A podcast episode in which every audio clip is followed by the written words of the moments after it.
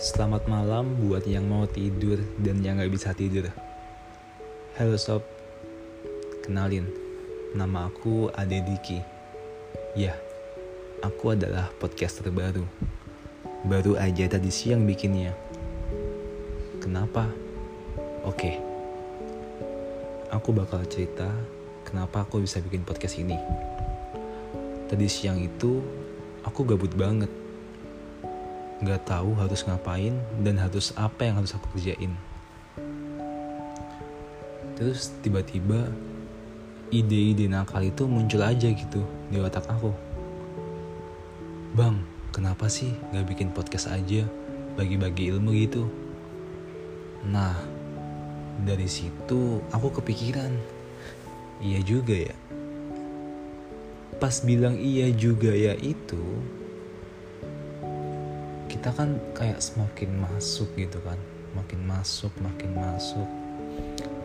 Terus di saat itu juga aku ngerasain pusingnya waktu kita ngerjain ujian nasional waktu SMA kalian masih inget gak sih rasanya gimana? Sepusing apa? Serumit apa? Se as pokoknya gitulah. Dari situ aku mikir nama podcastnya apa ya? Hmm, terus kontennya isinya apa? Podcast sama siapa aja emang? Siapa yang ngedit? Siapa yang mau promosi podcastnya? Pokoknya aku tuh belum ada apa ya belum belum aja jalan tapi udah kayak mikir tek tek tek tek gitu. Sumpah itu bikin aku pusing banget. Nggak tahu kenapa. Oke uh, karena kejauhan aku bakal balik lagi nih. Jadi di remote rindu itu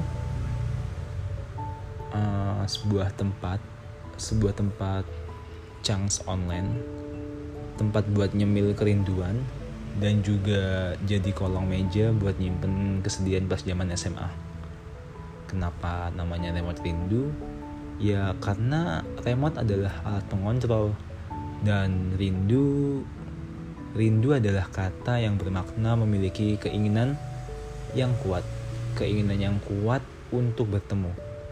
Jadi kalau digabungin, menurut aku nih, kalau digabungin ya jadi alat pengontrol yang punya keinginan untuk bertemu. Ya nggak sih guys, kalian nangkep nggak? Oke, sebut aja pokoknya podcast ini uh, pengontrol rindu. Tapi kalau orang cedal yang nggak bisa bilang R pasti bacanya kayak lemot rindu gitu. Kalian bisa bedain nggak remote rindu sama lemot rindu?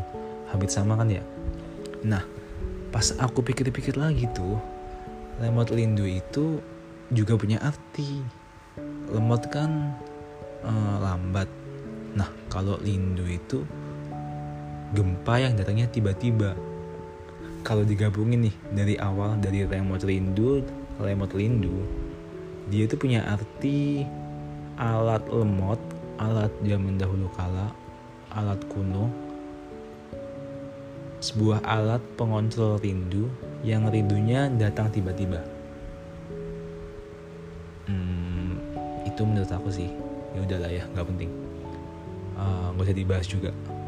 Pikir sendiri. Oke kita juga balik lagi ke topik jadi di remote rindu ini, di podcast ini kita akan sharing sama teman-teman yang nanti akan aku ajak collab tentang masa-masa SMA-nya mereka, masa-masa yang nggak bisa dipungkiri saat itu, masa-masa konyol, masa-masa ambis ngejar nilai, masa-masa les sore pulang malam, masa-masa pengen dapat nilai 90 tapi nggak mau belajar, masa-masa dibully sama senior, masa-masa ngebully junior, masa-masa jadi ketua ekskul mungkin yang dilihatin banyak cewek atau cowoknya